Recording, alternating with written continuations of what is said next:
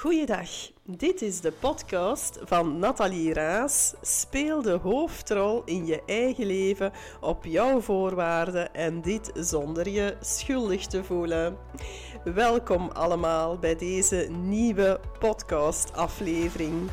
Degenen die mij al een beetje beter kennen, die weten dat ik iedere keer dat ik een podcast-aflevering opneem, jullie steeds weer op reis wil meenemen door in het leven dat ik geleid heb en nog steeds leid. Ik was dan ook vroeger een brave prinses en ik heb mij de laatste jaren andere methodes en gewoonten aangereikt om meer en meer die moedige Pipi Langkous te worden. En geloof mij, dit leven voelt veel leuker en veel spannender. Dus nogmaals, welkom allemaal. Ik wil het vandaag heel graag hebben over stop met nadenken.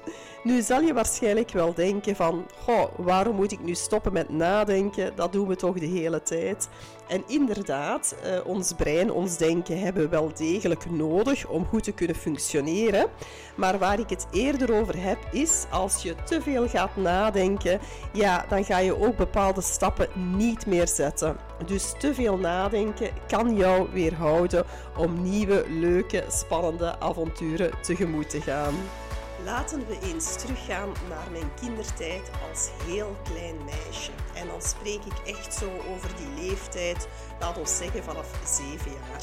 Ik was echt iemand die heel graag buiten was. Toen was ik al heel graag in de natuur. En ik was continu aan het spelen en aan het klauteren. En ik had ook best wel regelmatig wat schrammetjes. Ik was zo nogal een halve jongen. Eh, ik zag er wel uit als een, als een meisje, als een echt meisje. Maar ik gedroeg mij wel vaker als een halve jongen. Waardoor ik wel regelmatig schrammetjes had en bultjes en ga zo maar door nu op zich het gezonde gedrag van een kind, lijkt mij.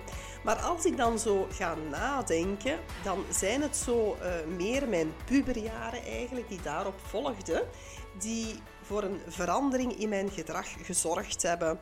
Het is ook die fase dat je heel erg nadenkt over de wereld en dat je heel veel dingen in vraag stelt en dat je eigenlijk vooral heel veel gaat nadenken en piekeren. Ja, dat is mogelijk voor jullie ook wel heel erg herkenbaar. Dus ik kwam dan uit die uh, wildere, uh, zotte periode um, als klein meisje. Hè, dat ik eigenlijk weinig nadacht en dat ik vooral heel veel joy en plezier ervaarde en heel veel buiten was en heel veel speelde. Om er uiteindelijk een beetje in die zorgelijke puberteit terecht te komen op zich een normale evolutie. Maar ik merkte toch wel dat ik uh, iets meer dan nodig piekerde. En doordat ik ging piekeren, ging ik eigenlijk ook te veel gaan nadenken en zat ik eigenlijk toen al vast in mijn hoofd. Natuurlijk, bepaalde overtuigingen die je dan van thuis uit meekrijgt, die helpen daar niet echt bij. Zoals van, eh, gedraag je goed op een ander, zie dat je beleefd bent, um, zie dat je goed studeert, dat je later een goede job hebt. Um, zie dat je toch wel een goede partner hebt, dat je een tof leven kan uitbouwen en ga zo maar door. dat zijn allemaal zaken die we meekrijgen, die ook allemaal heel normaal zijn, maar die eigenlijk als zaadjes in ons hoofd geplant worden. Dus zoals ik al zei, zat ik heel erg vast in mijn hoofd toen al, toch zeker zo vanaf mijn 16 jaar, en begon ik heel veel na te denken. En dan merk je eigenlijk ook wel dat je minder snel stappen zet, omdat je te veel gaat overdenken. En als je te veel gaat overdenken, ja, dan ga je een beetje bevriezen en dan ga je nog weinig nieuwe stappen zetten.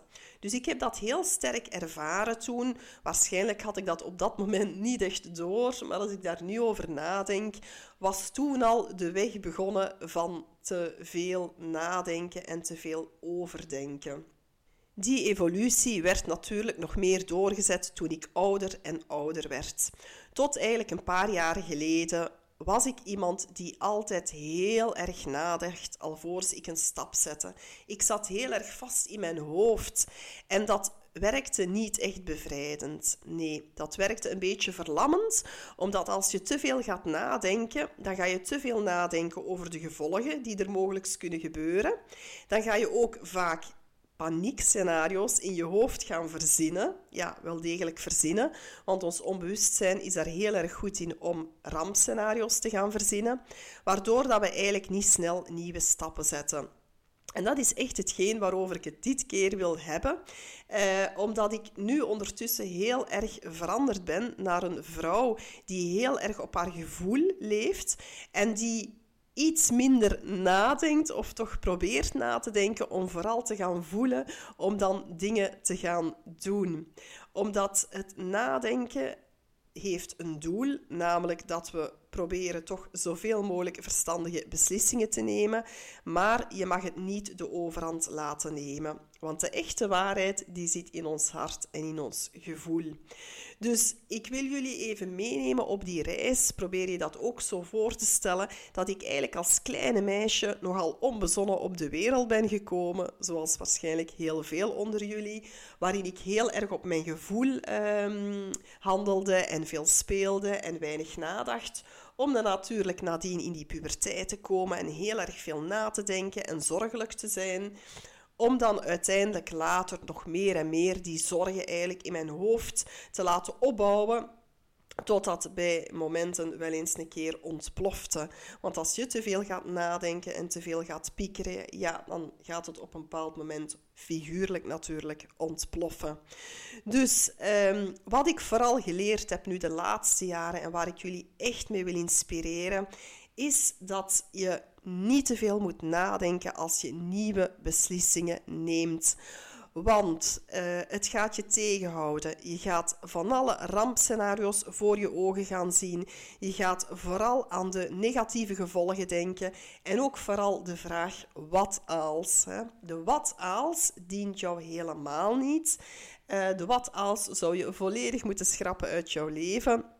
Want wat als, ja, dat impliceert natuurlijk al dat er een negatief gevolg gaat zijn. Dus probeer dat zeker niet toe te passen. Uh, ik vind het heel erg belangrijk dat jullie beseffen dat als je nieuwe, leuke stappen in je leven wilt zetten, dat je er niet gaat komen door vooral veel te gaan beredeneren. Beredeneren is goed als je bepaalde dingen tegenover elkaar wilt afwegen, of je wilt bijvoorbeeld een goede keuze maken voor de school van jouw kinderen, of je wilt uh, je twijfelt tussen twee bepaalde opleidingen. Uh, er zijn wel bepaalde zaken die je zeker mag beredeneren maar als je echt nieuwe stappen wilt zetten, die je echt voelt, uh, waar je echt warm van loopt, uh, probeer dan die uh, redenering, dat verstand, dat brein wat uit te schakelen.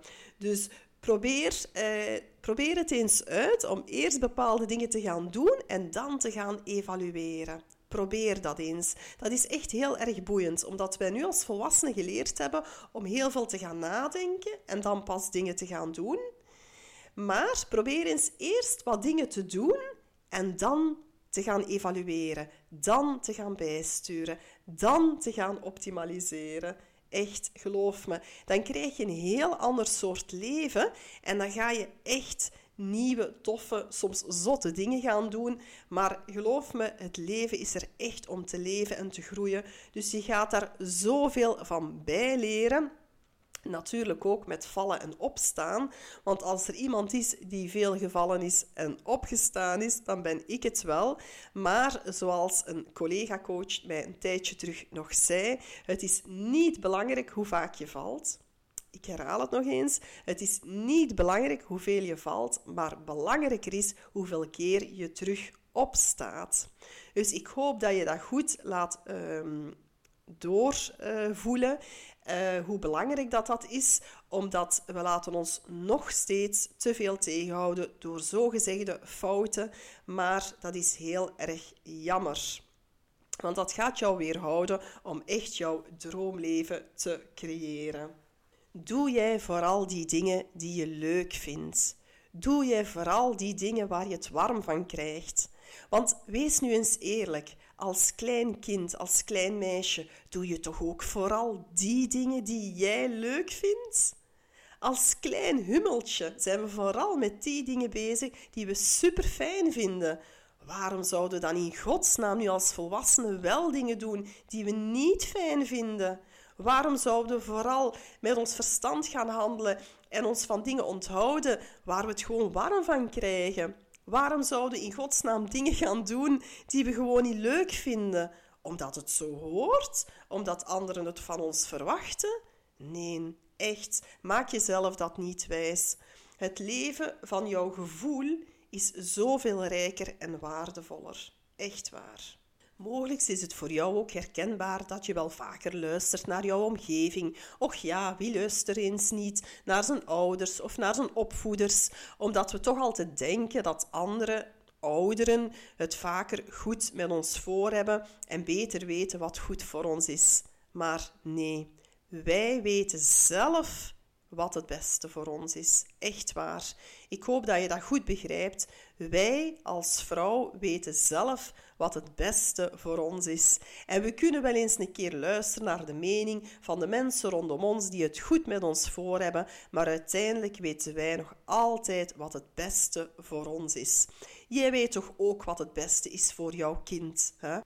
Ik heb een zoontje met autisme en ADHD en ook jarenlang heb ik mij laten ondersteunen door de mening en de ideeën van andere mensen rondom ons, zoals psychologen en psychiaters, en zeker ook over het gebruik van relatine, die medicatie tegen ADHD maar de laatste jaren zijn we daar gewoon heel falikant mee gestopt, omdat ik echt besefte hoe belangrijk het was om meer te gaan intunen op hoe ik de dingen ervaarde, hoe ik de dingen voelde.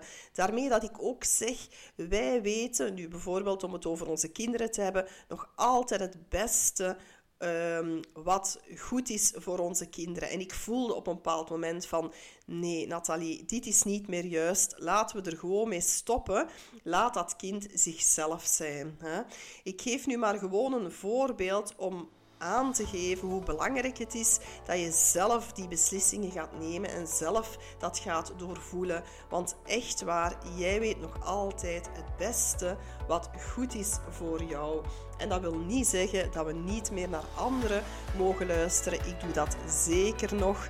Ehm, ik vind het altijd heel erg fijn als mijn partner of mijn mama een bepaalde mening over iets heeft. Maar finaal ga ik nog altijd zelf beslissen nadat ik dat eerst echt doorvoeld heb, ga ik dan finaal zelf die beslissing nemen. Dus ik hoop jullie daar ook mee te kunnen inspireren. Dus om deze podcast stilletjes aan te gaan afsluiten, stop met te veel nadenken, want dat gaat jouw leven echt compleet veranderen. Ik heb nu donderdag 3 november heb ik weer een superleuke masterclass en die heet in vier stappen van brave prinses naar moedige Pipi Langkous. Voor degenen die graag aan deze gratis masterclass willen deelnemen, schrijf je gerust in via mijn website www.improvementcoaching.be en dan kan je gaan naar gratis masterclass. Dus dat is donderdag 3 november om half negen s'avonds. En je kan je gewoon gratis inschrijven. Hierin ga ik jou echt uitleggen hoe dat je jezelf meer kan gaan empoweren. Hoe dat je meer je comfortzone gaat verlaten. Hoe dat je meer geluk en overvloed gaat manifesteren. Om dan uiteindelijk die moedige Pipi Langkous te worden. Ik hoop jullie weer heel erg te hebben geïnspireerd. En ik ben enorm dankbaar voor degenen die trouw mijn podcast luisteren. Vergeet je zeker niet te abonneren. En doordat je je abonneert, ga je ook altijd de laatste afleveringen automatisch binnenkrijgen. En wat ik zeker ook altijd fijn vind, is als je een review zou kunnen achterlaten, zodat deze podcast kan blijven verder bestaan en uiteindelijk nog veel meer mensen gaat bereiken. Ik wens jullie nog een hele fijne dag verder. En ik kijk er naar uit om jullie de volgende keer weer te gaan inspireren. Fijne dag verder en tot de volgende keer. Doei!